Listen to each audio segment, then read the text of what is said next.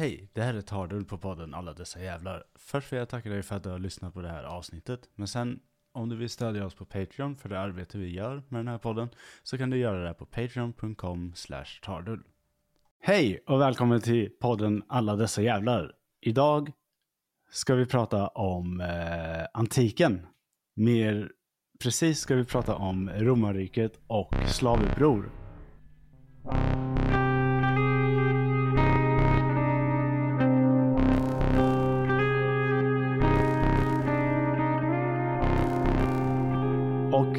Här trevliga ämnet så är jag med mig Gustav, Hej hej.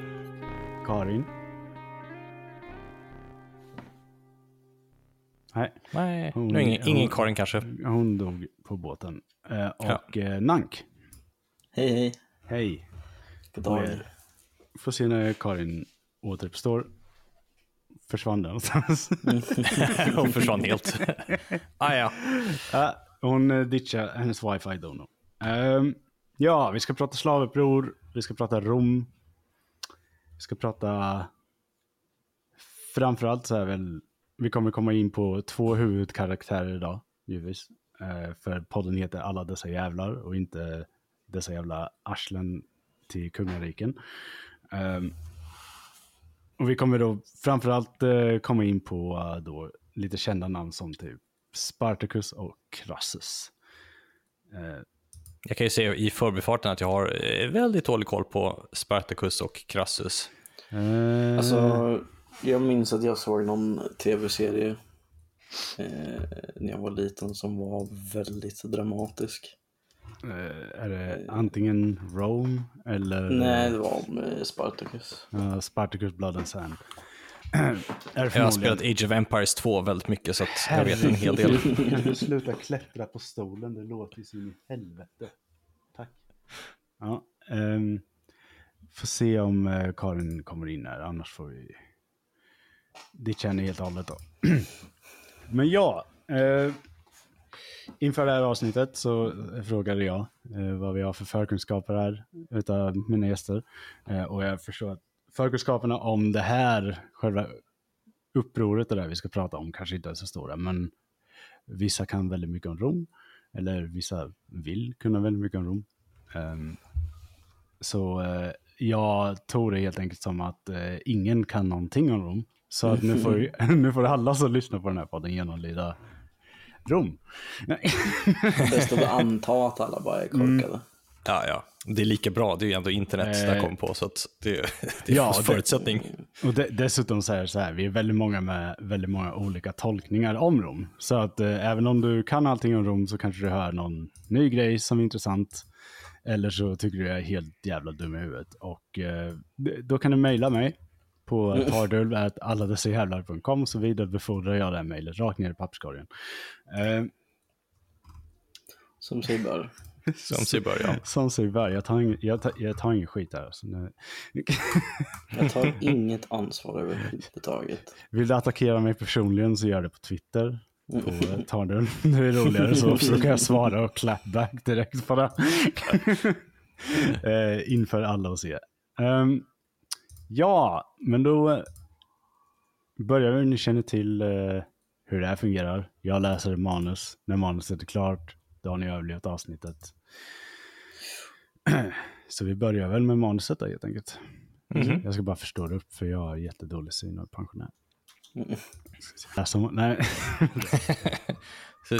Mina sur, mina sur, sura Patreon-pengar går till en icke-fungerande Word.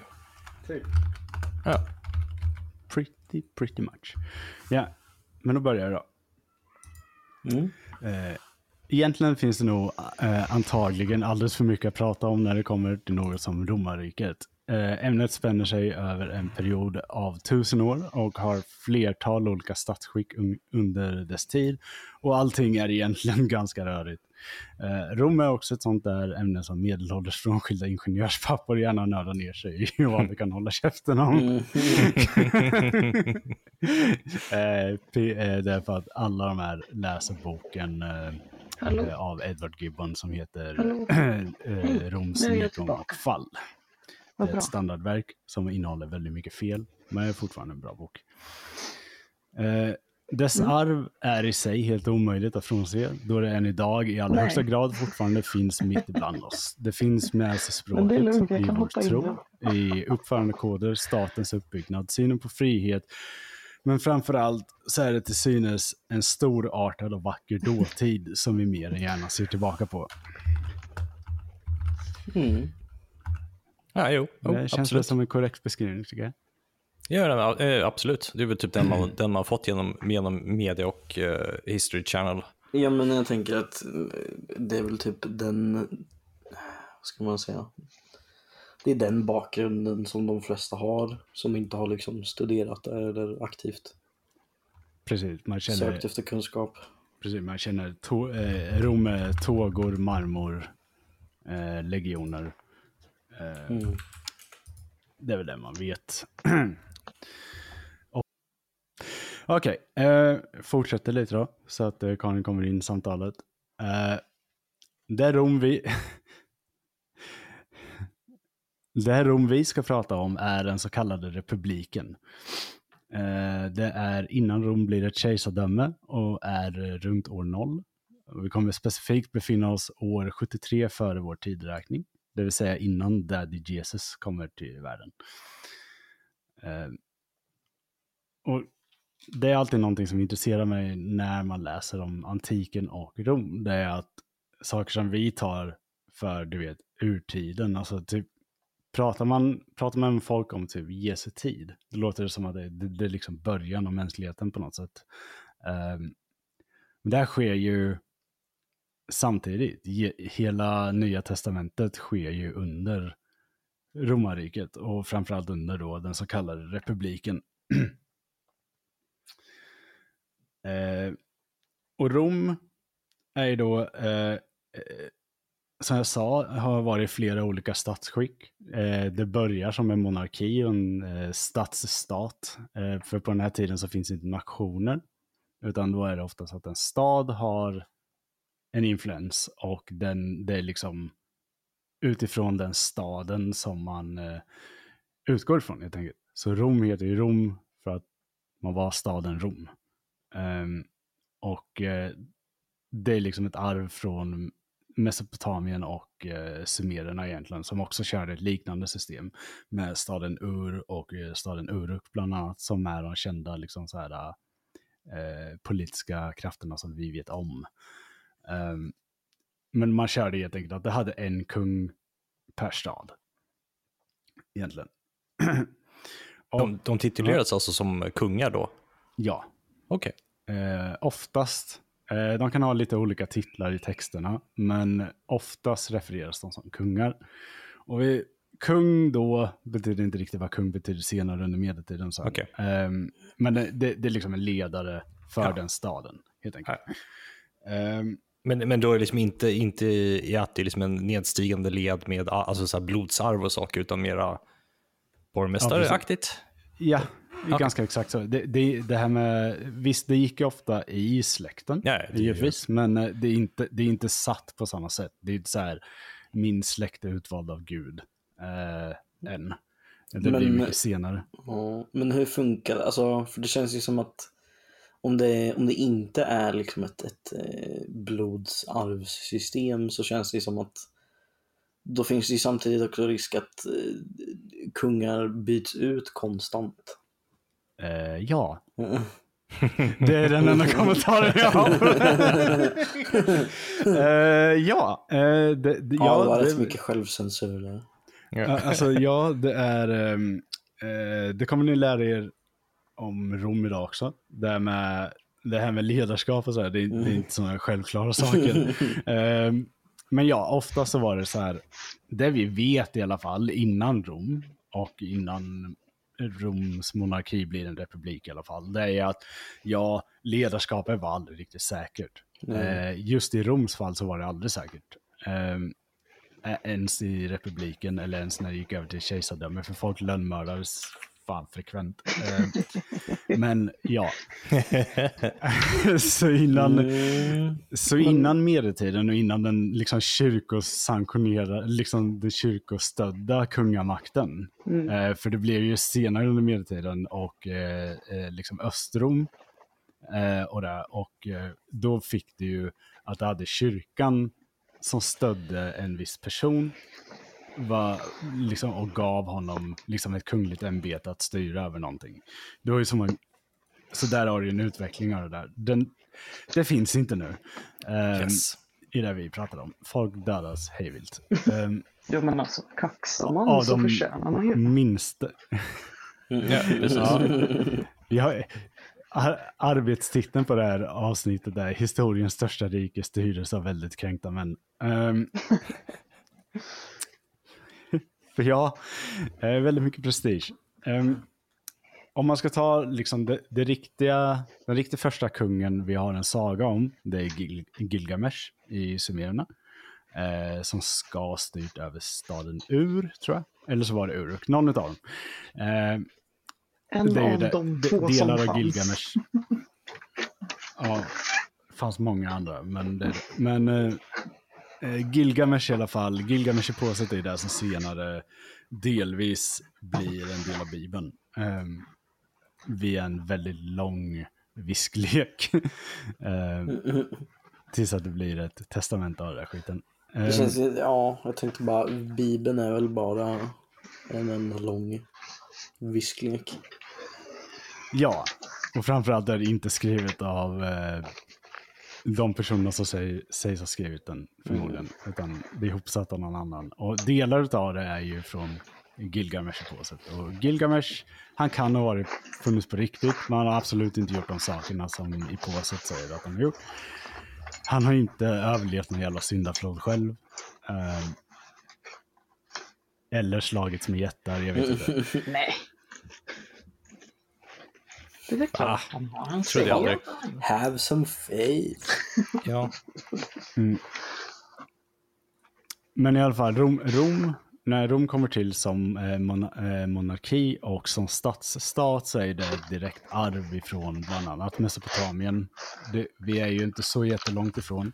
Vi är ju, Rom, blir, Rom etableras ungefär tusen år före vår tideräkning. Och det är ju sumerernas, det äldsta vi har av sumererna är över 4000 år före vår tideräkning. Så.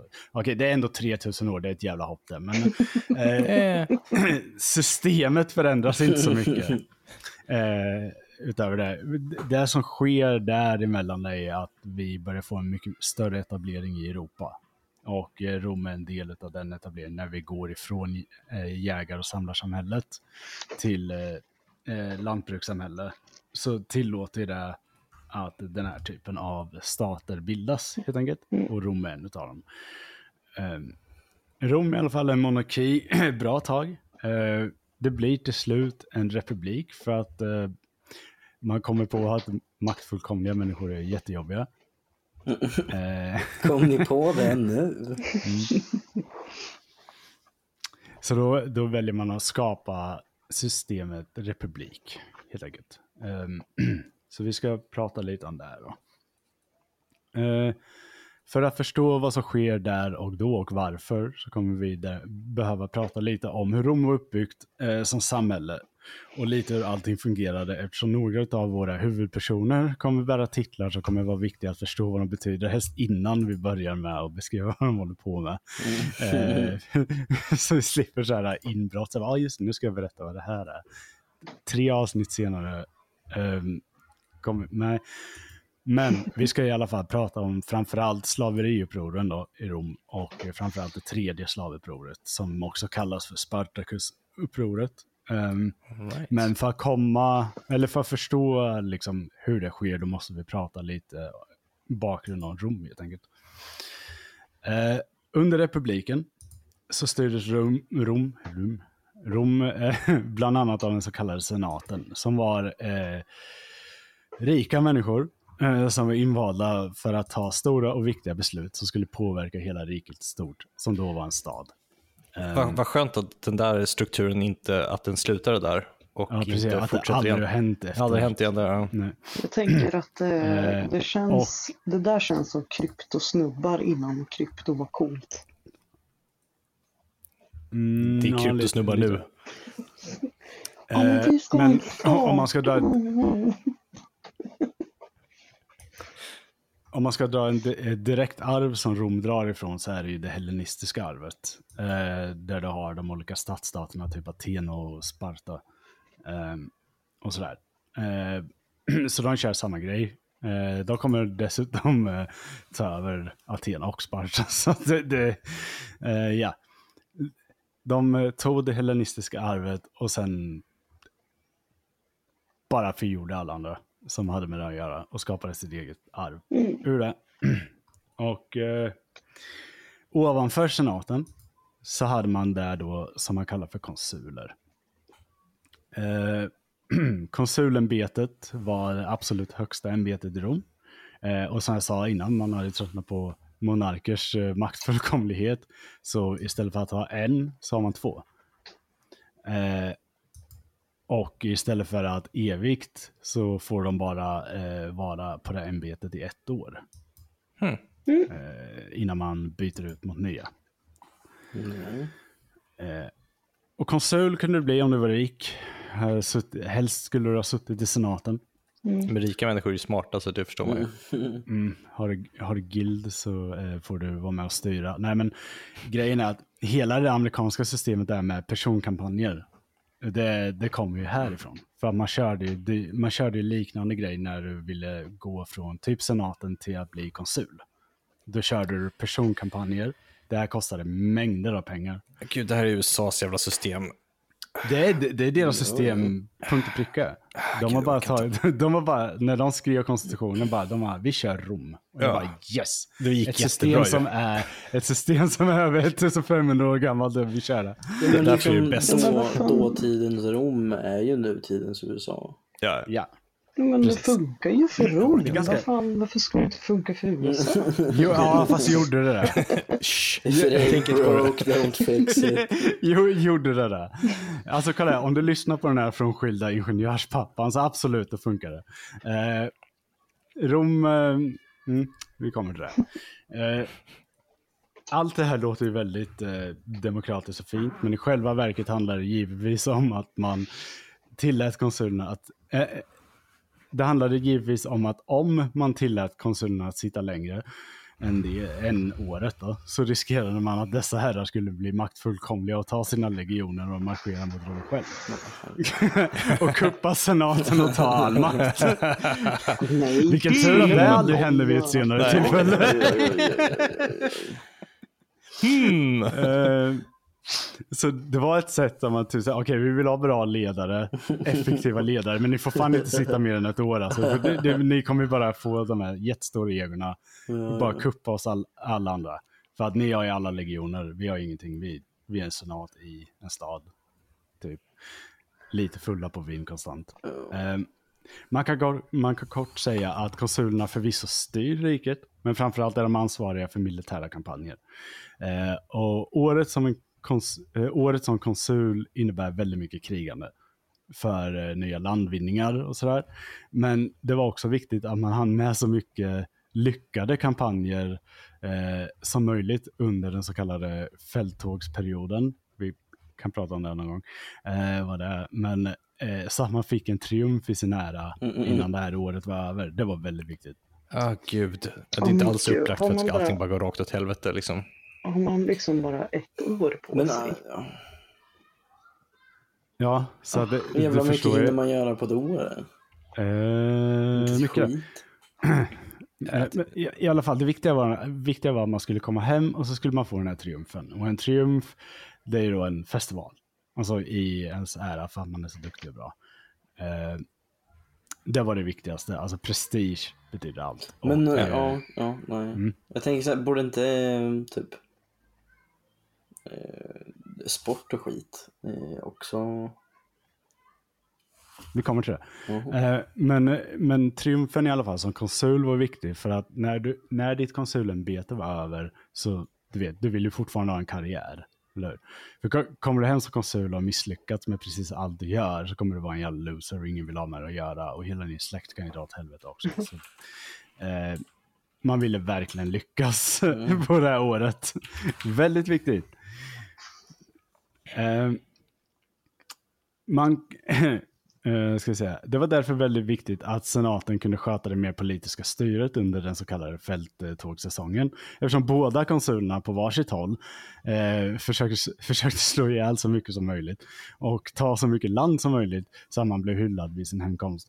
Om man ska tro de romerska historikerna som skriver det här i hyfsad närtid eh, så var just ära och berömmelse någonting väldigt viktigt och vanärade konsuler föll hellre på sina egna svärd än marscherade hem efter att ha förlorat två till tre generationer av den totala manliga befolkningen.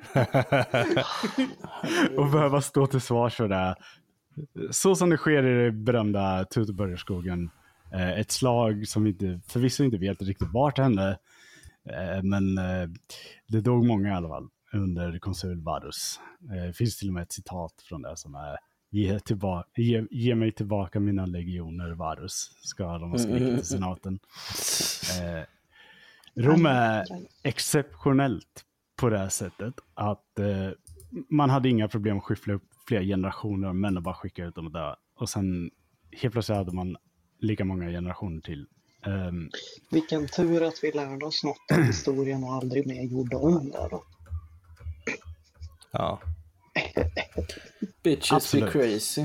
ja. absolut, första världskriget var absolut inte bara Nej, nej, nej. samma sak. Eh, vi, vi har ju också slaget vid Canea eh, där Rom går emot eh, Hannibal och förlorar runt 50 000 legionärer. Eh, Det är ganska mycket folk alltså. nej. det är mycket folk. det, det är lite så här. Ehm, jag kommer ihåg när jag läste den här och så typ läser man typ vad var senatens reaktion på det här. De bara, oh.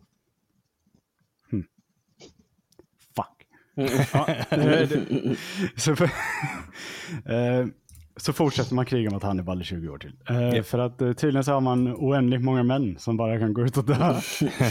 Eh, Ja, men gör man nya hela tiden så. Förutom, då kommer man ju ha Ja, ja. jättemånga män. Ja, ja det, det, måste ha varit, det, det måste, det måste ha varit jävligt mycket effektivt gökande i Rom. Alltså, Ja. Med tanke på varje gång Rom förlorar så är det ju liksom, det, det, det dör ju inte 200-300 stycken, det dör ju typ 30 000. Det är ju Ja. liksom, Fan, man får ju liksom släppa till lite. Ja. Eh, ett sätt, vi kan säga det, vi kommer ju komma in på det här med slaveri och det, men ett sätt som de fick legionärer var ju att folk som ville bli romerska medborgare kunde ju gå med i armén.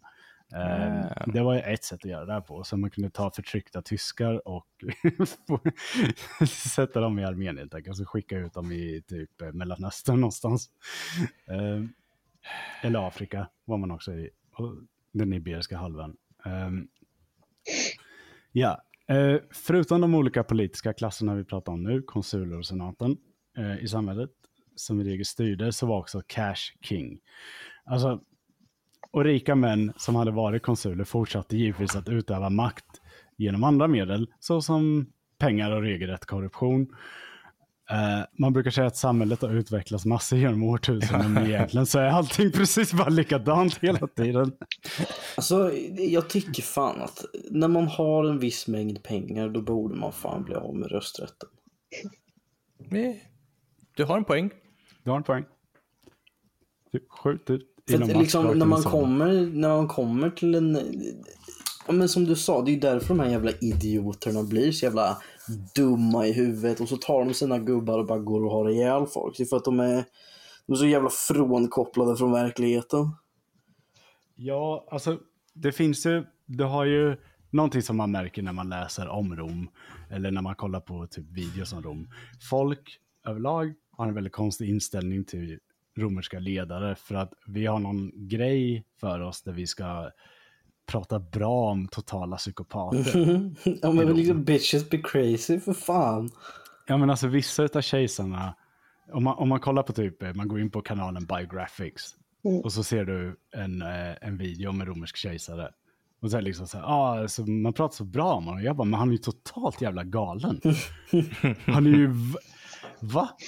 Och så typ, det finns dock, eh, det finns, eh, vissa konsuler tror det är väldigt allvarligt som exempelvis då Varus i eh, Tutburgskogen hoppade ju faktiskt på sitt egna svärd. Inne, han liksom tänkte inte komma hem efter att ha förlorat den mängden. Men, eh, Jag tror Jag kan säga att anledningen till att så många dog i Tutbergsskogen var Men alltså jag undrar hur det känns.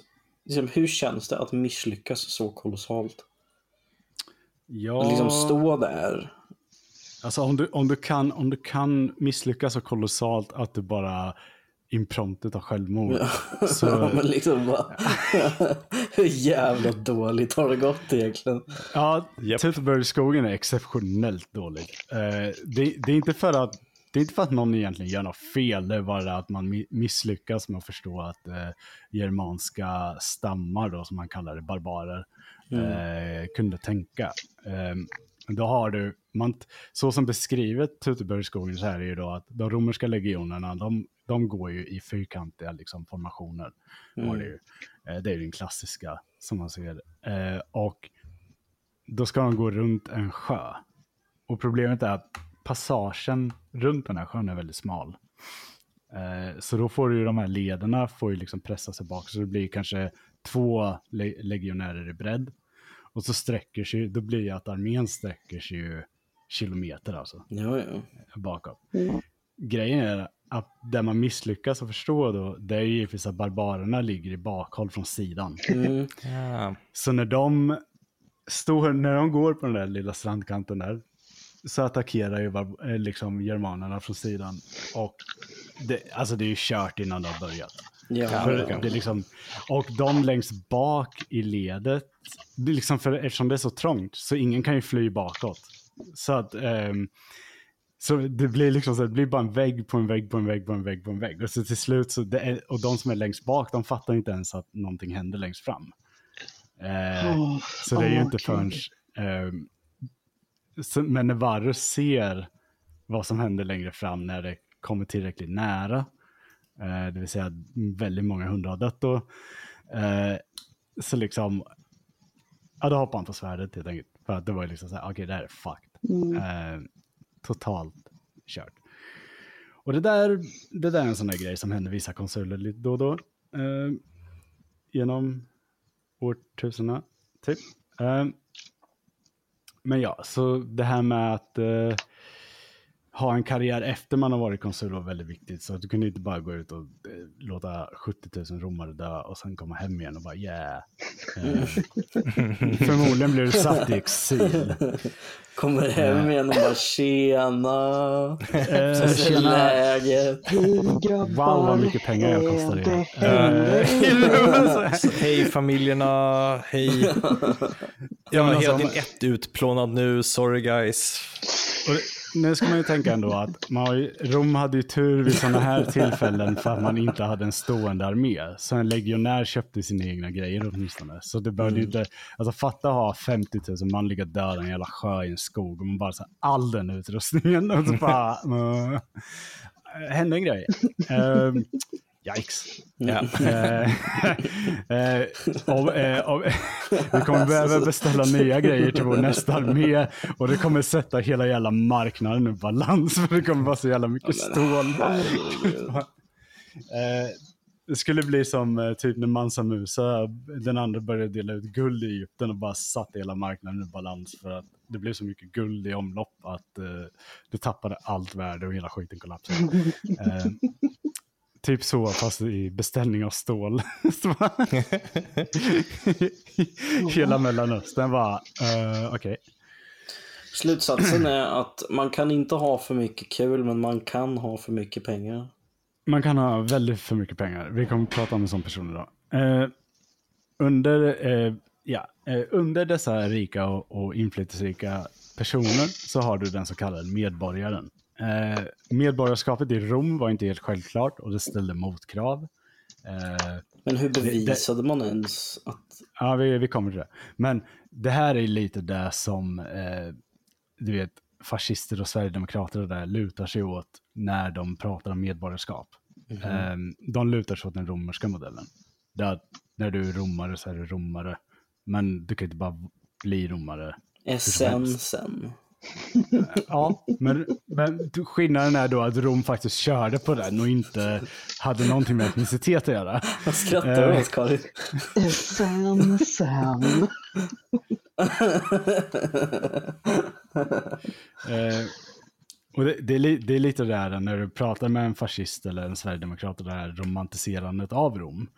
Eh, då blir ju det en, det är ju en naturlig del medborgarskapet, att det är en romare. Mm. Eh, skillnaden är dock att en romare behövde inte ha någon särskild etnicitet. Det hade helt andra krav. Um, ingen brydde sig om du kom från Afrika, whatever. Um, det var inte det som var viktigt överhuvudtaget. Uh, men uh, var man väl medborgare så hade man mängder av privilegier. Uh, så som att man kunde vara med i politiken, fick ställa upp i de här valen och sådana grejer för senaten och uh, då även då konsul. du kunde också bli en del av det pretoria, pretoriska gardet som vaktade konsulerna. På, när, Vilka De årtal är vi just nu? Eh, just nu är vi eh, den romerska republiken. Är, vi kommer befinna oss 73 före Kristus, eller Okej. före år 0. Men det är, Okej. den romerska republiken är, ska vi se. Ja, jag har Wikipedia. Mm. För efter det blir det kejsardömet. eh, dock så medborgarskapet förändras inte mycket mellan de här olika statsskicken. Men, eh, eh, men när, du, när du var medborgare då kunde du delta i politiken om du hade råd. Eh, det hade du oftast inte. Eh, och du kunde bland annat äga land och mark och man slapp eh, allt som oftast eh, oftast ska jag säga sluta, sluta som slav också. Ehm, vi, vi kommer till varför det kunde hända. Ehm, Men eh, i alla fall, det hade skyddat privilegiet att vara en romersk medborgare och eh, att vara en romare. Det är lite, som sagt, det är lite det Sverigesar vill. Att de ska ha någon skyddad roll för att de är svenska medborgare, fast de har aldrig gjort någonting. Um, och det har inte romerska medborgare alltid gjort heller, förutom att de kommer från en fin familj. Men du vet, ja. Uh, eh, romersk, romersk medborgarskap var inte kopplat till ens etnicitet heller, utan det var någonting man kunde jobba upp sig till som utomstående, även till barbarer och germaner och sådana grejer. Eh, det finns exempel på flertalet så, sådana personer i historieskrivningen, bland annat germanen Marcus Aurelius Antonius. Eh, för han föddes dock som Marcus Anius Verus, som ledde hela legioner tills han en dag tröttnade, bytte sida och marscherade mot Rom. Det här med att, eh, att generaler och konsuler började marschera mot Rom istället är inte en helt ovanlig grej och händer flertal gånger. Bland annat under det så kallat året med de fyra kejsarna. Så kan ni fundera på vad som hände med de kejsarna. Eh, Japp. Rom var mer eller mindre konstant på brinken till totalt kaos. Eh, och här har vi det där som folk missar när man pratar om Rom. De bara, ah, Rom fungerar och så här. Nej, det var konstant. Konstant precis vid brinken till totalt kaos. Eh,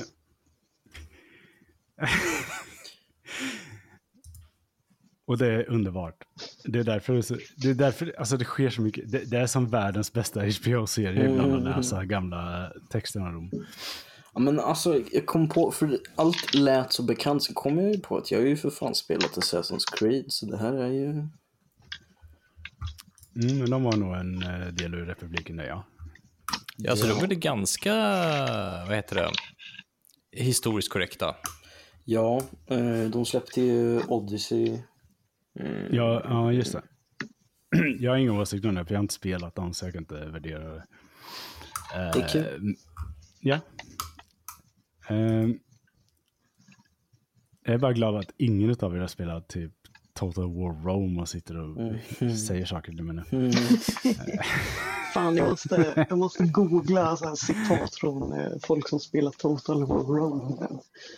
Så jag kan sitta och bara häva ur med Ja. dem på vissa Gud. ställen. Ha, Jag har inte gjort någon research för det här. Det är så det. dåligt. Mm. I alla fall, absolut allra längst ner på den här stegen har vi givetvis det som håller hela samhället fungerande, nämligen slaveriet. När romerska bönder Yay! Yay. Verkligen yay. Det är ju såklart inte att, så totalt välstånd hos massa människor. inte alls upp, underbyggs av ett eh, slav, eh, slavklass. Men Gustav, om du inte vill bli slav, Så jag tänkte se det igen. eh, om du inte vill vara en slav Ja. eh, i Gör Rom, bättre val. så ja precis, gör bättre val i livet. Då blir du ju inte slav. Det, är, det här är jag ska bara hassla Gör, lite gör, hårdare. gör, gör bättre val, få andra resultat. Mm. Ja.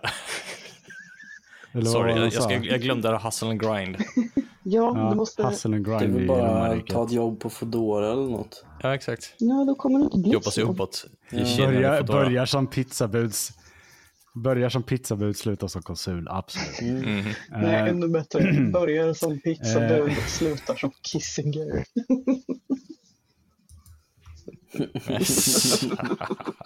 Han ska inte ens vara där han är, by the way. Så det, det, ja, eh, nästan. Han är väl den enda som har lyckats hassla sig hela vägen upp dit han är. Ja, jo. Eh, i Lever fall- fortfarande. Jag glömde bort det. Han lever fortfarande, det jävla Mm, aset. jag vet. Eh, jag kan inte önska livet till någon tillräckligt mycket. Nej. Men eh, när romerska bönder var ute i fälttåg för att eh, romerska medborgare var med i legionerna, givetvis. Eh, för det innebar att man kunde få mer mark om man slutförde militärtjänst. Eh, Intressant att vissa partier tycker att det här är en bra idé. Mm. Så, när romerska bönder var ute i fälttåg så fick slavarna fortsätta jobba på gårdarna och se till att gruvorna inte stannade helt enkelt. Även inom slaveriet fanns det en form av hierarki på ett sätt där du kunde antingen hamna i en gruva och jobba dig till döds. Eller så ha, om du hade lite flyt så fick du arbeta som tjänare för någon rik familj och eh, då oftast med en chans till frigivning i slutet av den tjänstgöringen. Det vill säga när personen håller på att dö. Eh, när någon blir lite ledsen på dödsbädden så kan de frigiva dig. Fungerar lite som vikingar och trälar. Ehm, men nordborna gav ju trälarna efternamn, då var de officiellt fria. Va? Ehm, va? Så, vadå, fick de efternamn då var de fria? Mm. Vet du, vad, vet du vart, vart, uh, vart J.K. Rowling fick sin idé ifrån.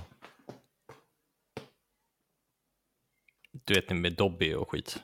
Japp, Japp. Ja, ja. fast en strumpa istället. Ja, ja, whatever. Same same. Det är lite mer förnedrande i hennes version. Ja, jo, Eh, verkligen. här, här får du åtminstone ett efternamn. här, här får du ett släktnamn att föra vidare. Och hon är typ, här får du en smutsig socka. Ja, ett klädesplagg. Uh, skyl dig kvinna. Det, nej, inte nej, whatever. Här får du min runksocka. Ja. Nu är du fri. Åh Eh. nej, Harry Potter går bort sin runksocka till Dobby. Och han älskar den. Åh nej! Den är magisk. Gud, jag må, det måste finnas fanfiction Ja, den på det här. använts Alltså. flitigt under den där trappen. Uh, ja, det, Det är klart det de, gör. de, definitivt levande.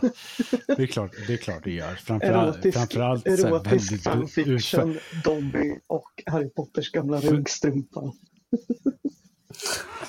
Och framförallt så här väldigt detaljerad beskrivning av hur det är att leva i det där under trappen. Eh, Uh, Gud. Ja, det har derailat nu. Var, var, var, varje gång jag... Ja, jag vet. Jag ska bara säga att det finns ett avsnitt av Vänner där eh, Ross känner sig så misslyckad att han bara säger I should live under someone's stairs. Och då tänker jag alltid på Harry Potter.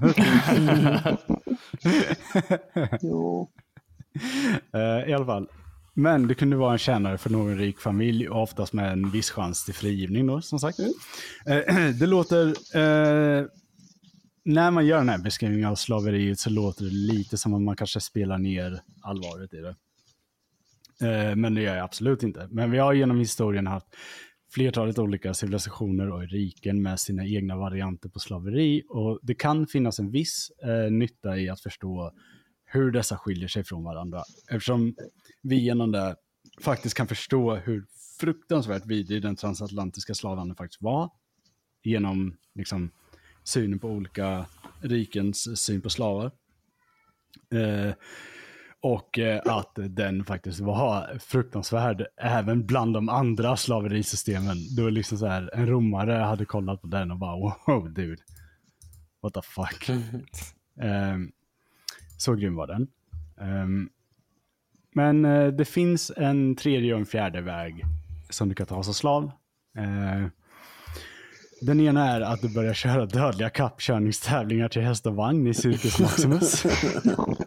Folk dog som flugor i det här för övrigt. Jag kan tänka mig. alltså, det, det är det här jag inte fattar med Rom. Att liksom oavsett vad det är för typ av sysselsättning man pratar om så var det liksom hundratals människor som dog i det varje dag. Men det var alltid... Det, det, det, vart fan kom allt folk ifrån? Det var ju liksom... Från, Men, från alla nya ställen. men och sen Ja, det, det är väl klart att de, om de erövrar nya ställen, de behöver mer folk, mer slavar. Men Men jag sa ju det aldrig förut. slut. Nej, Jag sa ju förut, de knullar ju så in i helvete. ja, fast Jo, ofta, men- oftast, var, oftast var det att man eh, erövrar ett nytt område så skickade hem alla som slavar till Ja. eh, eh, huvudstaden och så sålde Aron där och så blev det liksom, ja men du ska köra häst och vagn i Circus Maximus.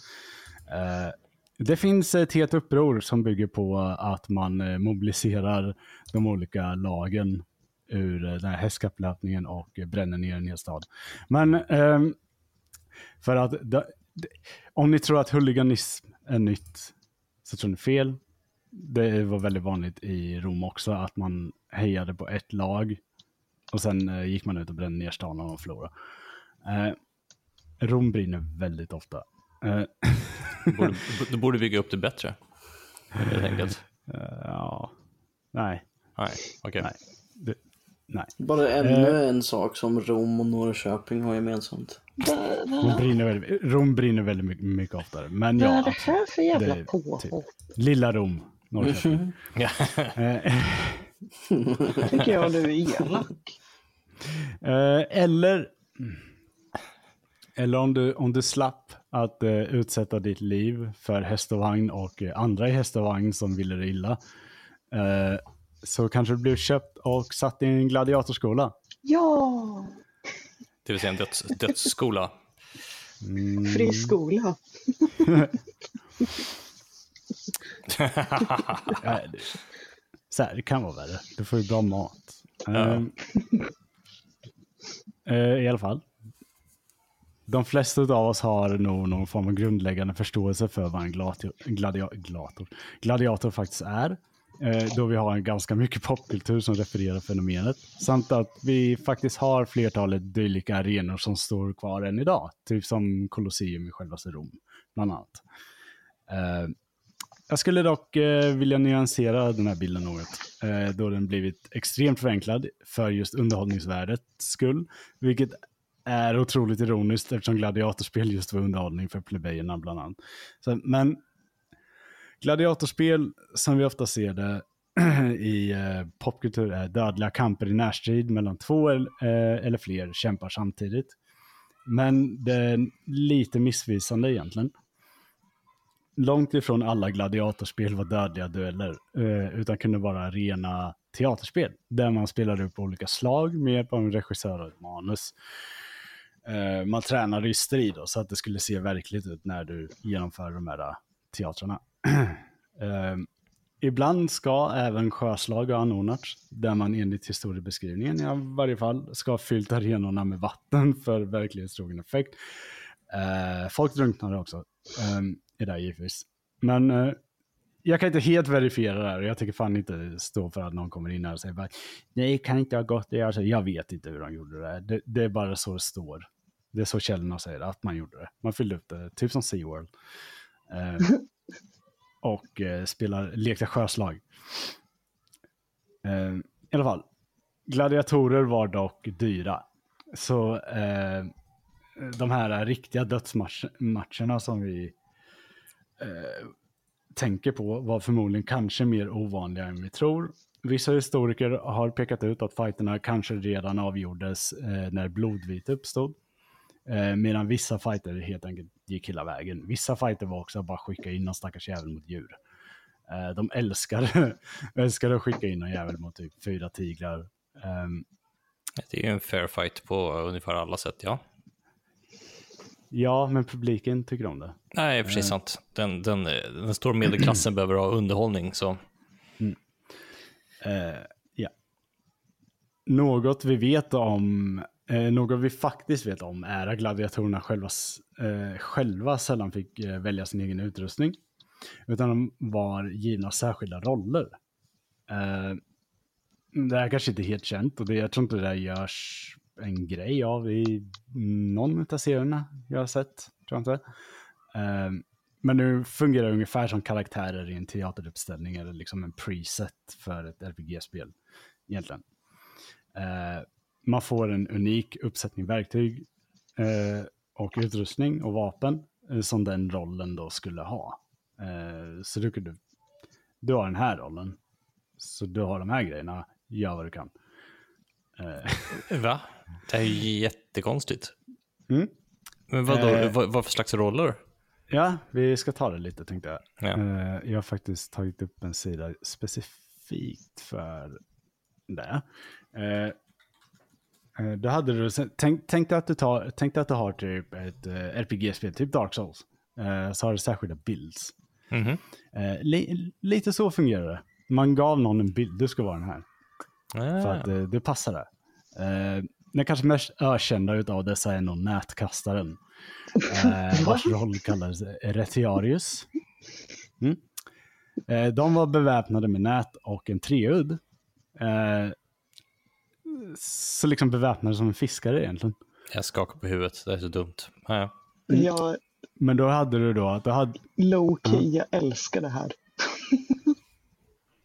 Eh, du hade också folk som fick rollen Cestus. Det var bara folk som, de hade ingen rustning vad vi vet, men de hade skitstora knogjärn. Um, slå ihjäl folk med. Eh, uh, du har uh, lite andra roller. Det finns vissa roller som vi inte riktigt kan belägga att de är sanna, men de nämns på typ så här, uh, vad heter det, krukor och sådana grejer. Um, men vi kan inte riktigt, vi har ingen direkt beskrivning av dem i, vet, i, heter det? Källor. Att, eh, ja, i källorna på det här sättet. Eh, du har ju Bestarius som är, eh, de var specialiserade på att slåss mot djur. Eh, de brukar dock få välja utrustning tror jag. Ja, alltså det är ju jävligt oschysst att ha en kille, skicka in honom till en jävla björn och bara, nej men du får klara det på mm, en kniv. Eh, det finns mer roller, typ Demakerius tror jag att det uttalas. Eh, det var en som eh, använde ett, svärd i varje hand, bland annat. Eh, för det betyder typ bearing two knives. Eh, och det hade där, de, de här rollerna utvecklades och byttes ut under alla år som man sysslade med gladiatorspel helt enkelt. Så det, det, man är inte helt hundra på vilka som fanns samtidigt jämt. Eh, men det man vet är att man brukade sätta så här eh, roller emot varandra. Så du kunde ha en Retiarius då som hade ett nät och sätta honom mot en svärdkille exempelvis. Så skulle de slåss mot varandra. Eh, Mm, Stefan, ja. Mm. eh, vilken typ av gladiator hade du varit? Jag hade dragit nitlotten och blivit en nätkille. Eh, alla Mm. gånger. Eh, det, det, jag bara känner det i hela kroppen. Eh, men jag bara, nätkillarna brukade få ha lite tyngre rustningar på sig. Typ som, fast brons då, så inget fint stål. Eh,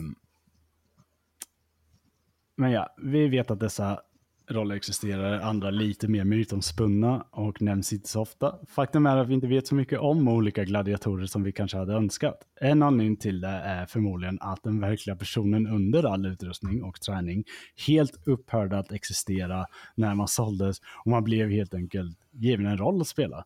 Och det är då vem person, alltså det, det, det är den personen som refereras i de historiska källorna, inte den faktiska personen, utan rollpersonen. Mm. Så det, det är typ som eh, så här, eh, wrestling. Ganska exakt som det, ja. Hade de ett narrativ, Fast de här slavarna? våldet Eller? är på riktigt. Ja, fast våldet är på riktigt, ja. Vad sa du, Karin? Hade de också, så här, som de har i wrestling i USA nu, att det är någon som skriver ihop så här, en historia om dem? Eller? Mm. Ja, men det kunde vara det. Eh, ibland så gick de ju ut och körde ett scenario. Jaha. liksom för underhållningens skull. Så det, det var inte alltid dödsmatcher, utan det var liksom, ibland kunde de gå ut och ni ska köra ett scenario. Det ska gå till så här. Det är liksom söndagsunderhållning. Ja, det är söndags-tv. det låter lite kul ändå. Ja, men alltså, jag Ja, känner förut, liksom förutom att slåss mot ett par tigrar så låter det spännande. Ja, och jag känner också så här att gud vad mycket Hazard pay. Ja, USA. USA har ju inte bara snott eh, sitt statsskick från romarna. De har ju också snott söndagsunderhållningen för plebejer. Mhm. Ja, det, ja det, är, det är väldigt mycket där. Det var det jag pratade lite om förut. Där, att det här lever, till viss del lever kvar i vårt moderna liksom, eh, medvetande. Eh, även om vi kanske inte tänker på det på det sättet. Men ja, gladiatorer kunde absolut, de hade ju absolut story arcs.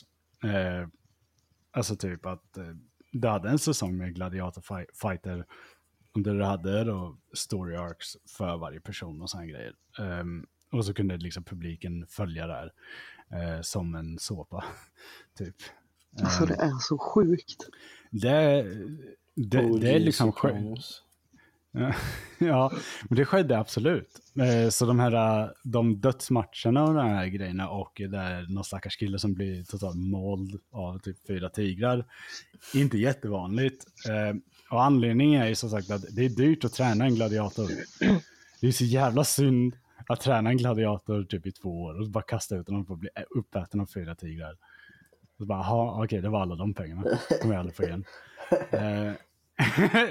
Så det är liksom, ja. Men så hade det också att de som slogs mot djur, som, som jag sa, var ofta specialiserade mot det. Så de liksom kunde det här. Eh, Men drog de Men- in mycket pengar då? Alltså inte, Ja. jag menar inte till sig själva då, utan liksom om du tänker är deras variant av box office I guess. ja, men det blir ju liksom, folk köper ju biljetter in i de olika arenorna. Och sen så handlar det ju om betting, alltså det är gambling. Mm. Ehm, och ja, där tjänar man ju pengar. Det är där pengarna ligger som eh, då, då eh, den som äger en gladiatorskola exempelvis tjänar ju pengarna genom gamblingen framförallt. Mm. Och sen eh, beroende på då så eh, är det ju vissa matcher som, alltså det, det är lite det här när du har de här dödsmatcherna, så som jag har förstått det i alla fall av de historiker jag har läst, ja, man tänker lite att det är lite som boxningsmatcher. Du vet att du har den här, vad är det, en boxningsmatch per halvår eller något. Mm. Som är liksom så här, nu är den här riktiga fighten. Mm. Typ. Och så hypar man upp det och så kör man lite små grejer mellan eh, de eventen liksom. Eh, och så är det, det är ju där man tjänar de riktiga pengarna. Och då har du ju kanske en gladiator som du har lagt väldigt mycket tid, pengar, mat på. Eh, då kanske du inte vill att han bara går in, får ett svärd i ansiktet och dör. Utan du vill, du vill nog att det är en kille som kan. Ehm, Ja, För de- wrestling som Karin sa. ja, precis. Ja, nej, men verkligen. det, blir, Det- det blir det. Wrestling, boxning, alla kampsporter någonsin. Mm. Eh, ja. eh, och eh, som sagt, vi vet inte så mycket om de här gladiatorerna. Vi har några namn, men det är ju deras givna namn. Så det är ju förmodligen, vi har ingen koll på deras egentliga person. Oftast, tyvärr. Eh, men du har ju kända namn som typ Kryxus och sådana här grejer som dyker upp i de här serierna som vi ser idag. Eh, gladiatorer och eh, ryttarna i Circus Maximus var ofta förvisso slavar, men kunde odla personkulter och kändisskap och riktiga liksom, rikedomar själva. Eh, för att det blev ju liksom, man kunde sälja merch. Alltså, Så jävla sjukt. Mhm. alltså det, det är väldigt mycket med Rom som är, wow, vi är fortfarande där, Ja. ingenting har hänt. Eh, Ja, verkligen. Det, alltså, allt jag hör är bara så att det här är, kan jag bara härleda direkt till någonting som jag, har i min närtid eller samtid. Liksom. Mm, och någonting som vi har upptäckt också i de gamla texterna är ju så här att om du hade en gladiator som blev populär, då ville du absolut inte ha ihjäl honom. Så då satte du kanske honom mot sämre motståndare så att han var garanterat att ha ihjäl den personen. Alltså när det var sådana matcher. Så du fick den här, äh, du vet, du fick blodgjutelsen, eh, men du riskerar inte att din fan favorite dör. Eh, för då hade publiken bränt ner stan. Ehm, As you do. as you do. Eh, de, här, de här kändskapen och rikedomarna kunde till slut eh, leda till sin egna frihet. Det kunde komma till en, kunde komma till en punkt liksom där den som ägde dig inte längre kunde liksom utöva makt egentligen över dig. För att det blir liksom så här, okej okay, du är större än mig. Mhm. Eh, och det blir så här, ja då är det dags att släppa honom fri eh, innan han slår ihjäl mig på fläcken. Typ. Men, eh, och det är väl liksom mer eller mindre storyn i filmen Gladiator med Russell Crowe. Mm. Och delvis också storyn i Spartacus Blood and Sand. Alltså till en början i alla fall. Det handlar ju om att de ska slå sig upp i rang för att vinna sin frihet. Mm. Riktigt så enkelt var det inte. Eh, men det kunde hända. Eh, speciellt om du fick mycket fans som var beredda på att bränna ner stan om du dog. Ja, alltså det kan jag också tänka mig att man vill säkert också, som du sa, man vill behålla sin, sin gladiator och suga ut så mycket pengar som möjligt. Att, eh, det är inte helt säkert att de heller blir fri, fria bara för att de säger, ah, men nu är jag stor och känd. Eh, utan det istället blir så ah, jag kan väl hålla, tillbaks, hålla det kvar det i tre, fyra säsonger till så jag kan betala av lånet på huset. Eh, och det var väldigt många gladiatorer som var, som jag förstår det i alla fall, nu ska inte jag säga att det absolut var så, men var villiga att fortsätta också. För att de fick ju väldigt mycket bra betalt. Alltså när de blev kända på det här sättet så kunde ju inte ägaren bara ta alla pengarna. Nej, jag fattar. Utan- Det blir, till- till slut blir man, vad heter det, sån här i um, beroendeställningar mot varandra. Precis, precis. Och då blir det så att det blir mutual, mutually beneficial om vi eh, kör några säsonger till. Eh, så hinner du kanske träna upp en ny gladiator som kan gå under mig. Eh, och eh, så när den gladiatorn är färdigt bakad, liksom, då kan jag dra. Eh, så kan du fortsätta med ditt.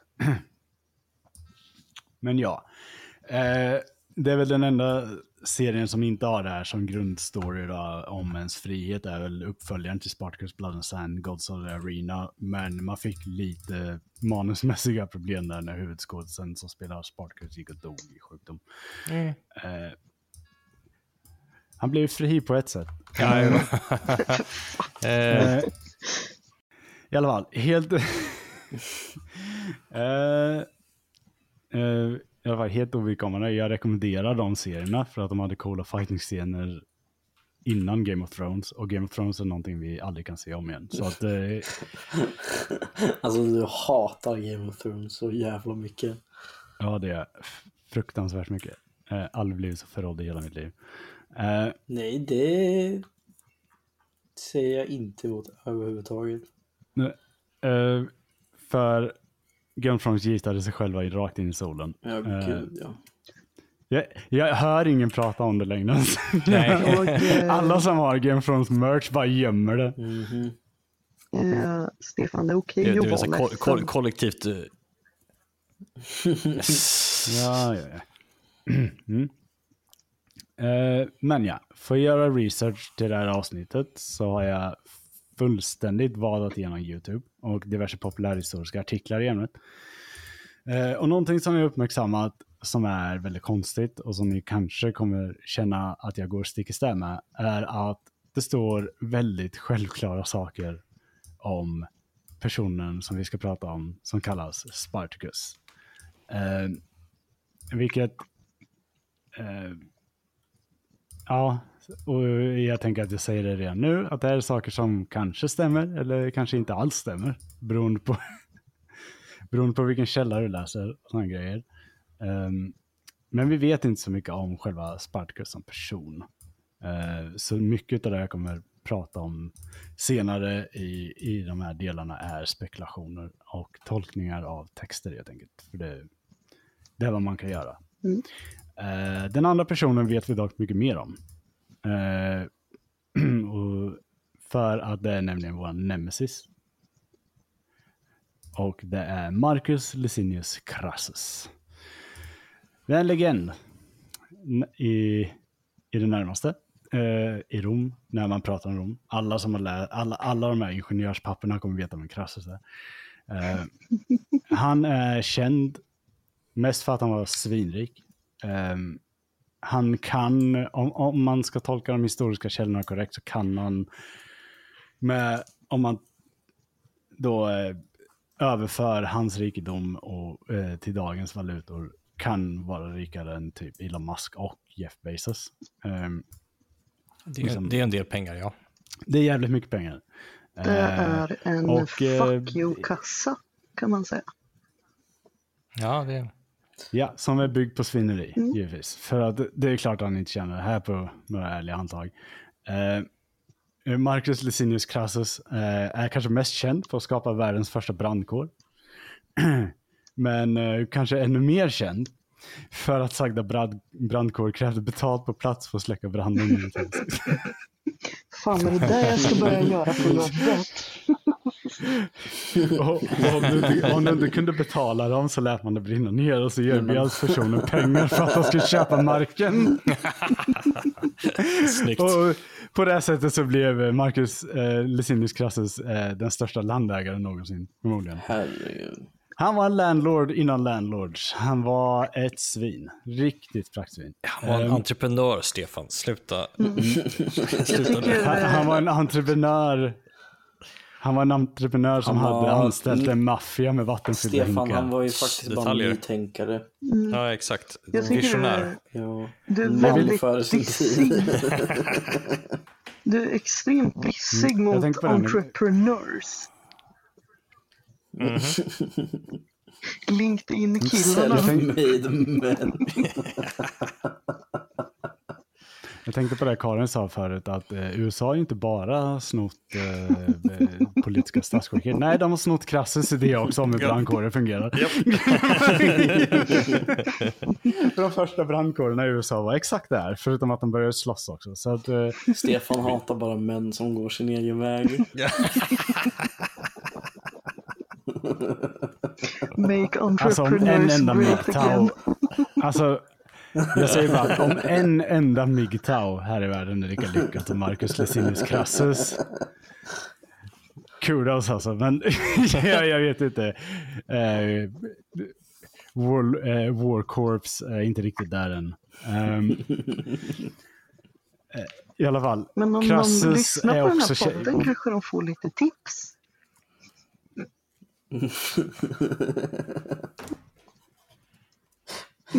Uh, bli fastighetsägare idag. Den här podden är i samarbete med... metoden. bränn ner grannens hus, erbjöd att släcka den, köp marken. Ja, Ja. done deal. Ja, den del. Historiker hatar den här metoden.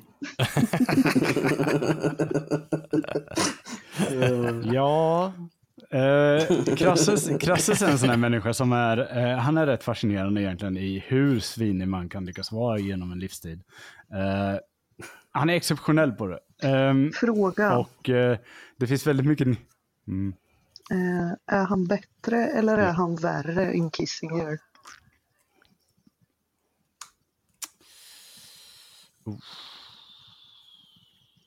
Ja, fan det var svårt. Han är nog... Eh, han är nog ändå värre tror jag. För han är... Kissinger vet ju inte vad han gör. Crassus visste exakt vad han gör. Okej, ja. Eh, Det är Henry Kissinger ni tänker på. då. Ja. Ja.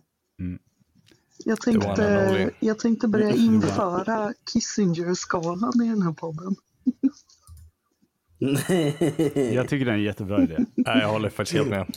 Är det typ som Hot Crazy Scale fast för politiker? Ja, men, nej, men det, det är som, det är som, Politiker. nej, men det är som eh, Tom Hanks to Hitler scale. Det är liksom, I mitten där någonstans blir det en Tom Hankler, men i alla fall. Vadå, är, är, det han, är det hans son då, eller som är i mitten?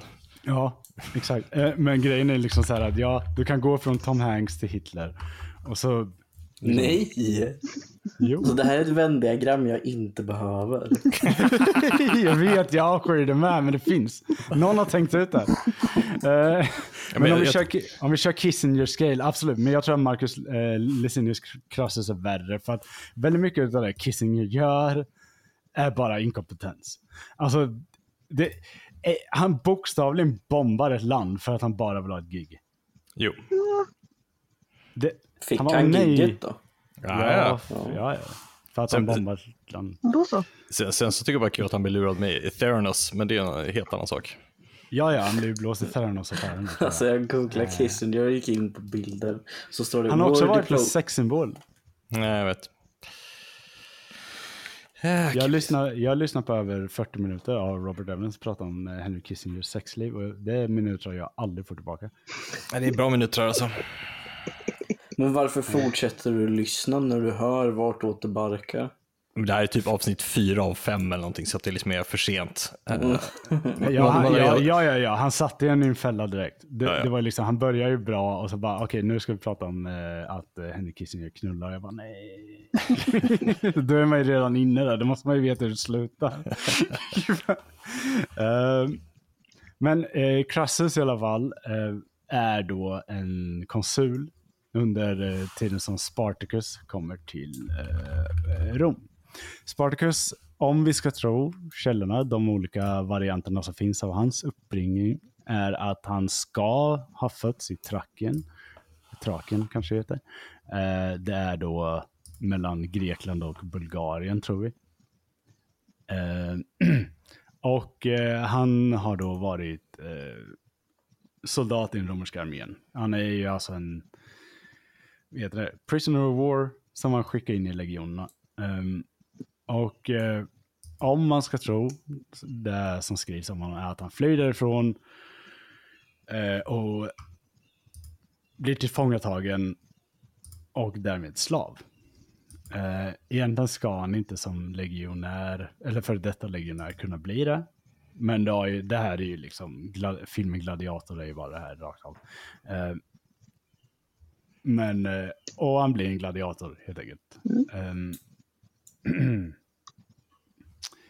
eh, han får namnet Spartacus då.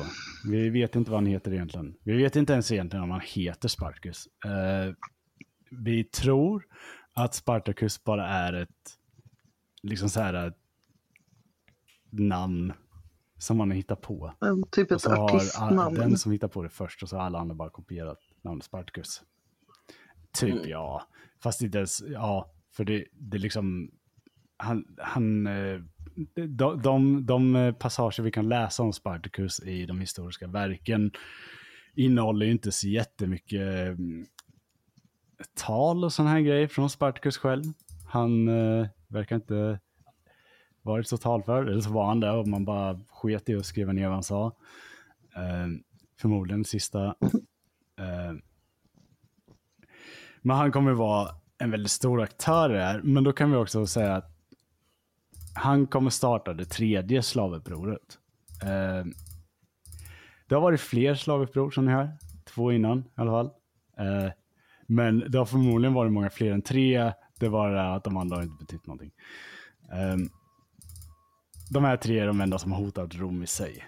Eh, så det är de enda man bryr sig om. de andra två slavupproren har ju blivit nedslagna givetvis av eh, andra konsuler och eh, med hjälp av Crassus som har varit general i eh, romerska arméer under tiden. Så han har lite så här, erfarenhet av det här.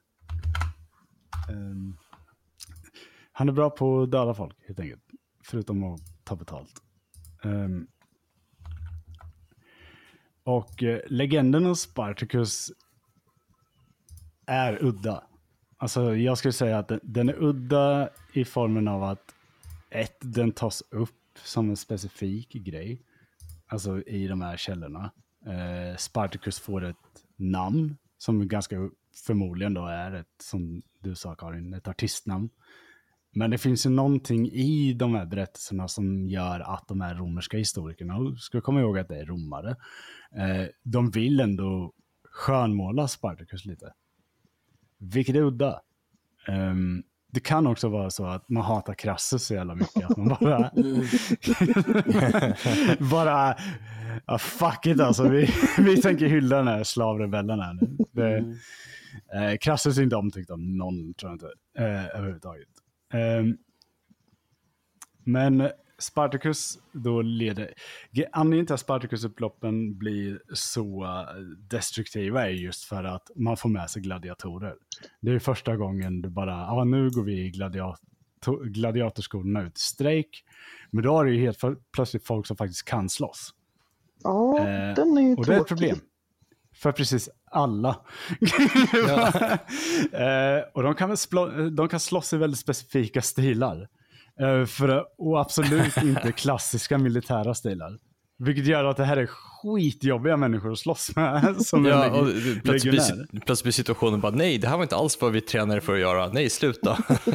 Så bara, nej, varför kastar ni nät på våra legionärer? för? Jo, för att ni fastnar i dem. Ni har så mycket pointy grejer. Eh, och, det, och det blir ett problem. Eh, men i typisk romersk eh, arrogans så skiter man ju i det här. Krassus, u- krassus ut på fälttåg och gör lite annat. Eh, och du vet, du vet, lite brunna stadsdelar och så här, det, det är ingen som bryr sig om. Eh, så precis som alla andra uppror så låter man dem glida runt lite i några månader och bara tända eld på stället. Eh, Ja, alltså, ja, om Crassus är borta på något jävla fälttåg och så, så händer grejer i Rom, liksom, det tar ju en jävla stund att ta sig tillbaka. Först för invasionen över till honom. Ja. Sen måste han liksom rida tillbaka så här 300 kilometer. hur hur Ja. fan? Det, Han får väl ringa en Uber eller något. Ja, jag menar exakt. Allting är väldigt mycket ja bara som svar på det. Men ja, grejen är så här att Crassus får ju reda på upp, upploppen. Och det får ju den andra konsulen också. Eh, ingen av dem bryr sig. För det är liksom så här, vadå upplopp i Rom? Det händer, händer hela tiden. Eh, Alltså då är det ju bara en vanlig kris. så senaten bara, nej. Ja, men li, lite så. Det är alltid någon jävel som gör uppror. Ehm, och, alltså grejen är ju, så, som jag sa förut, så romarriket är alltid på brinken till, to, till totalt kaos. Ja men alltså för att, för att ha varit en plats som liksom, ja men verkligen eh, living on the edge. Ja. Så verkar de ju vara relativt bra på, på krishanteringen då. Ja, men alltså, de är ju bra på att lösa situationer. Det är bara det att de aldrig liksom åtgärdar själva huvudorsaken till de här situationerna, utan slår ner symptomen hela tiden. Ehm, Gud vad det här är Definitionen alltså. av om det går att laga med silvertejp. ja, det här är ju USA rakt av. De gör ju exakt samma sak hela tiden. Ja, det- ja. men det är liksom så här, okej, nu håller vi ihop ett år till. Nu mm, tar vi det lugnt. Nu är, nu är, nu är det visigoternas tur att göra uppror i norra Tyskland. Men hur många år höll republiken då? Eh, republiken höll i ungefär 500 år, va, tror jag. Stalt. Det är, det är en stund alltså. Sen blir det ju kejsardömet Rom. Eh, det är ju det som är lite mer känt. Tack vare kejsar Augustus och Julius Caesar. Eh, men republiken håller länge. Alltså, för att vara så instabil som den faktiskt är konstant hela tiden. Det, det är liksom som två väldigt aggressiva atomer som är på väg att bara smälla av som en jävla atombomb konstant. Eh, men det är också under den här tiden som riket expanderar väldigt mycket. Så det börjar, när Rom expanderar så mycket som Rom faktiskt gör, och man börjar liksom gå utöver gränserna som Alexander den store nådde, Mm. så börjar det bli problem att styra Rom. Alltså det, det är liksom, då, då börjar ju riket på något sätt bli instabilt av sig självt. Det, det är liksom, ja, vi kanske har 50 000 man, vi måste sprida ut dem på en landgräns som går från Iberiska halvön nästan till Kina. Eh, Det är en, det är en del att hålla, hålla ihop liksom. Ja, plus delarna i Afrika då. Så Ja. det var ju liksom, det är väldigt stor, så det börjar bli väldigt mycket problem med just eh, uppror. Eh, det är också förmodligen därför man kanske inte tar Spartacus-upproret på så stort allvar från början. Man tänker att de lokala legionerna borde kunna hantera det. Eh, varför ska jag som konsul behöva avbryta mitt triumftåg? Eh, Ja, för men något nu, jävla slavuppror, bara slå ihjäl dem. ja, men nu så kastar de faktiskt nät på legionärerna. Då får man ta sitt ansvar som konsul, tycker jag.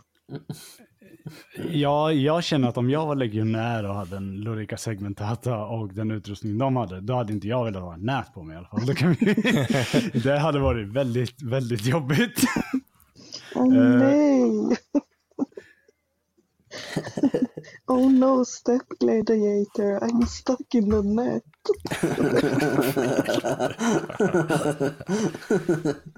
Åh nej.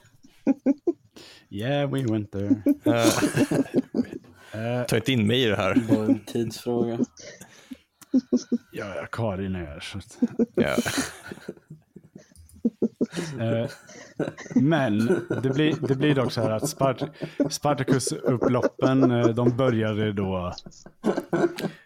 Det är jättekul att du tycker du själv är så jävla rolig så du sitter och småfnissar typ en halvtimme efter.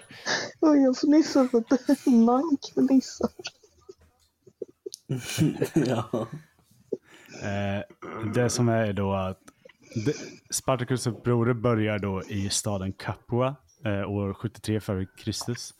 Eh, där har det också förmodligen en anledning till att det inte var så jävla alarm- alarmerande, för det var inte Rom. Eh, så att, eh, ja. Men det här är så här, alltså grejen med det här upplopp, upproret som är så roligt, det är att det är några få slag som kommer ske, som vi kommer prata om i nästa avsnitt. Eh, och så här. Men det är typ som, alltså tänk dig ett rövarband som bara springer omkring i Italien och bara bränner ner saker och tar saker under väldigt lång tid innan det är någon som bara, "Ah, nej nu börjar det bli, nu börjar det bli jobbigt. Mm. Eh, och man då vad börjar konfrontera det. Men alltså, det här, det här liksom, ja, du, det jag menar, så här, det här händer samtidigt som eh, liksom, all, allas liv bara fortsätter, typ. Ja, ja. Det, ja, ja. Det, alla bara, ja, ja, ja, nu brinner Capua. Ja, okej. Ja, man Ja. får väl gå Men det, runt det är likadant som efter slaget vid Cannae. Eh, ja, precis. ja, men Smöret efter, ska kärnas, så fan jag har inte tid med det här. e- efter eh, Hannibals eh, alpmarsch, som är rätt känd, eh, och slaget vid Cannae, så tänker man så här, okej, det- där vann Hannibal och så åter han, återvände han hem. Nej, det gjorde han inte. Han sprang omkring i liksom 15 år på den italienska halvan och bara brände ner saker. Och det var ingen som gjorde någonting åt det. De bara, ah, så jävla jobbigt att ha den där jävla warlorden Hannibal springande så här. Eh, F- Fan vad taskigt för- hans, hans män som bara, jaha, ska vi, ah, ska vi, skulle inte vi hem? Nej, Nej, okej, så vi ska, så vi ska Okej, söderöver. vi, vi ska till Spanien. Jaha. Ja, okej. Ja, och det var inte först att Rom hade lyckats samla ihop de här. Du vet, man hade förlorat 70 000 man eller någonting. När man hade 70 000 nya man så kom man säga, okej nu tar vi Hannibal. Och då har det ju gått typ 15-20 år. Och så bara, ja, det bara bränt ner hela jävla halvön. Jag älskar, ja, det, är så, det är så sjukt att tänka sig eh, det där. Men ja, så eh, Spartacus-grejerna höll på i flera månader innan konsulerna reagerade och insåg att "Ah, fan, vi måste gå och göra någonting. Ehm, så ja, och det, det är liksom så här, senaten bara, hallå, vad jobbigt det är med vi, vi har inga gladiatorer som vill göra söndags-tv. Då plebejerna blir arga. Ja. Eh, och nu börjar de få de här jävla eh, ryttarna med sig också. Åh Nu vi, så nu kan vi inte gå till Circus Maximus heller. Vad, vad, vad ska vi göra nu? Bara, vi kan inte, ska vi ha ett uppror på ett uppror? Liksom plebejerna gör uppror fast slavarna gör uppror. Eh, och då blir det så här, nej, nej det kan vi inte ha. Vi, vi kommer hem med alla legioner. Eh, och tar hand om det här, nyper honom i pungen. Eh, men ja, jag tänkte att vi skulle eh, sluta det här avsnittet här. Jag tänker att eh, innan vi lämnar det här avsnittet för att undvika eventuella frågor om hur Rom fungerar nästa gång. Eh, om det är några frågor som ni har om eh, det romerska statsskicket eller sådana grejer så kan vi ta det nu. Eh, men ja, bara konstanta uppror hela tiden. Så att, eh, Alltså det verkar inte funka speciellt bra, om man säger så. Om du pratar om så här, hur statsskicket funkar, det bara inte bra. Det är väl kontentan av alltså, liksom, din historia. alltså, det, det, det, viktigaste för, det, det viktigaste för dem var ju att när de kom till ett nytt landområde var att de i det här landområdet trodde att Rom fungerar bra. Alltså, ah, Väldigt mycket den här, ja, vi är legioner, vi har de här taktikerna, vi är väldigt stabila.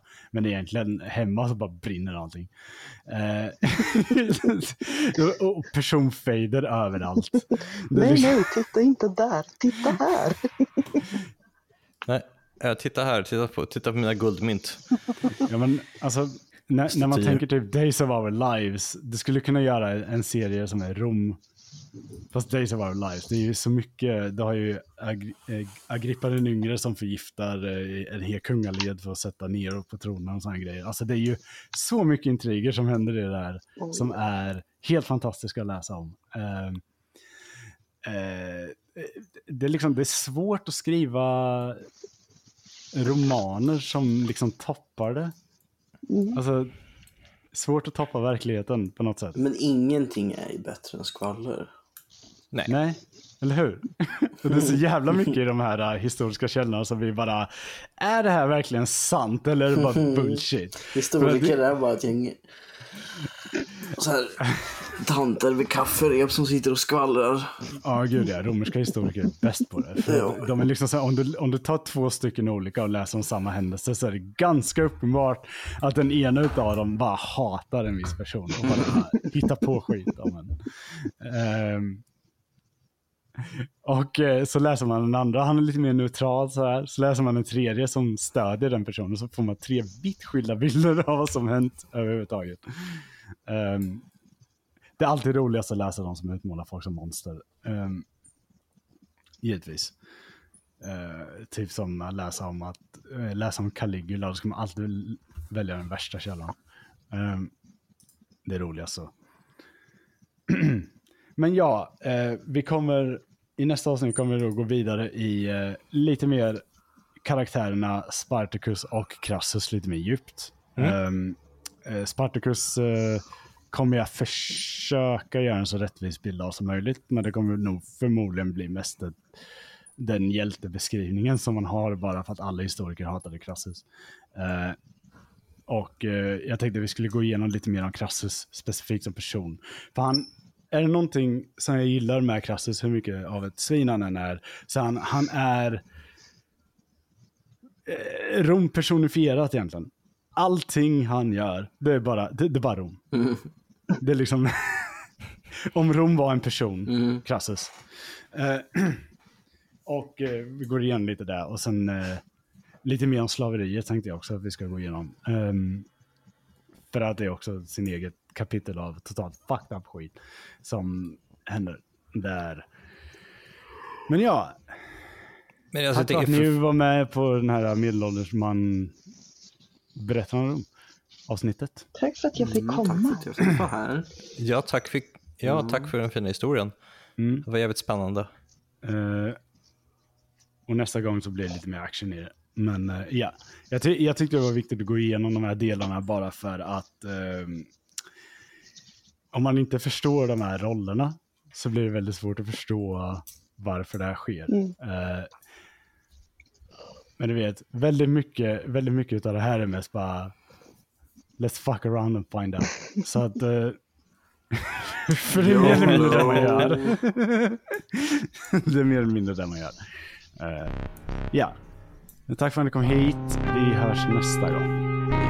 Då! Hej då.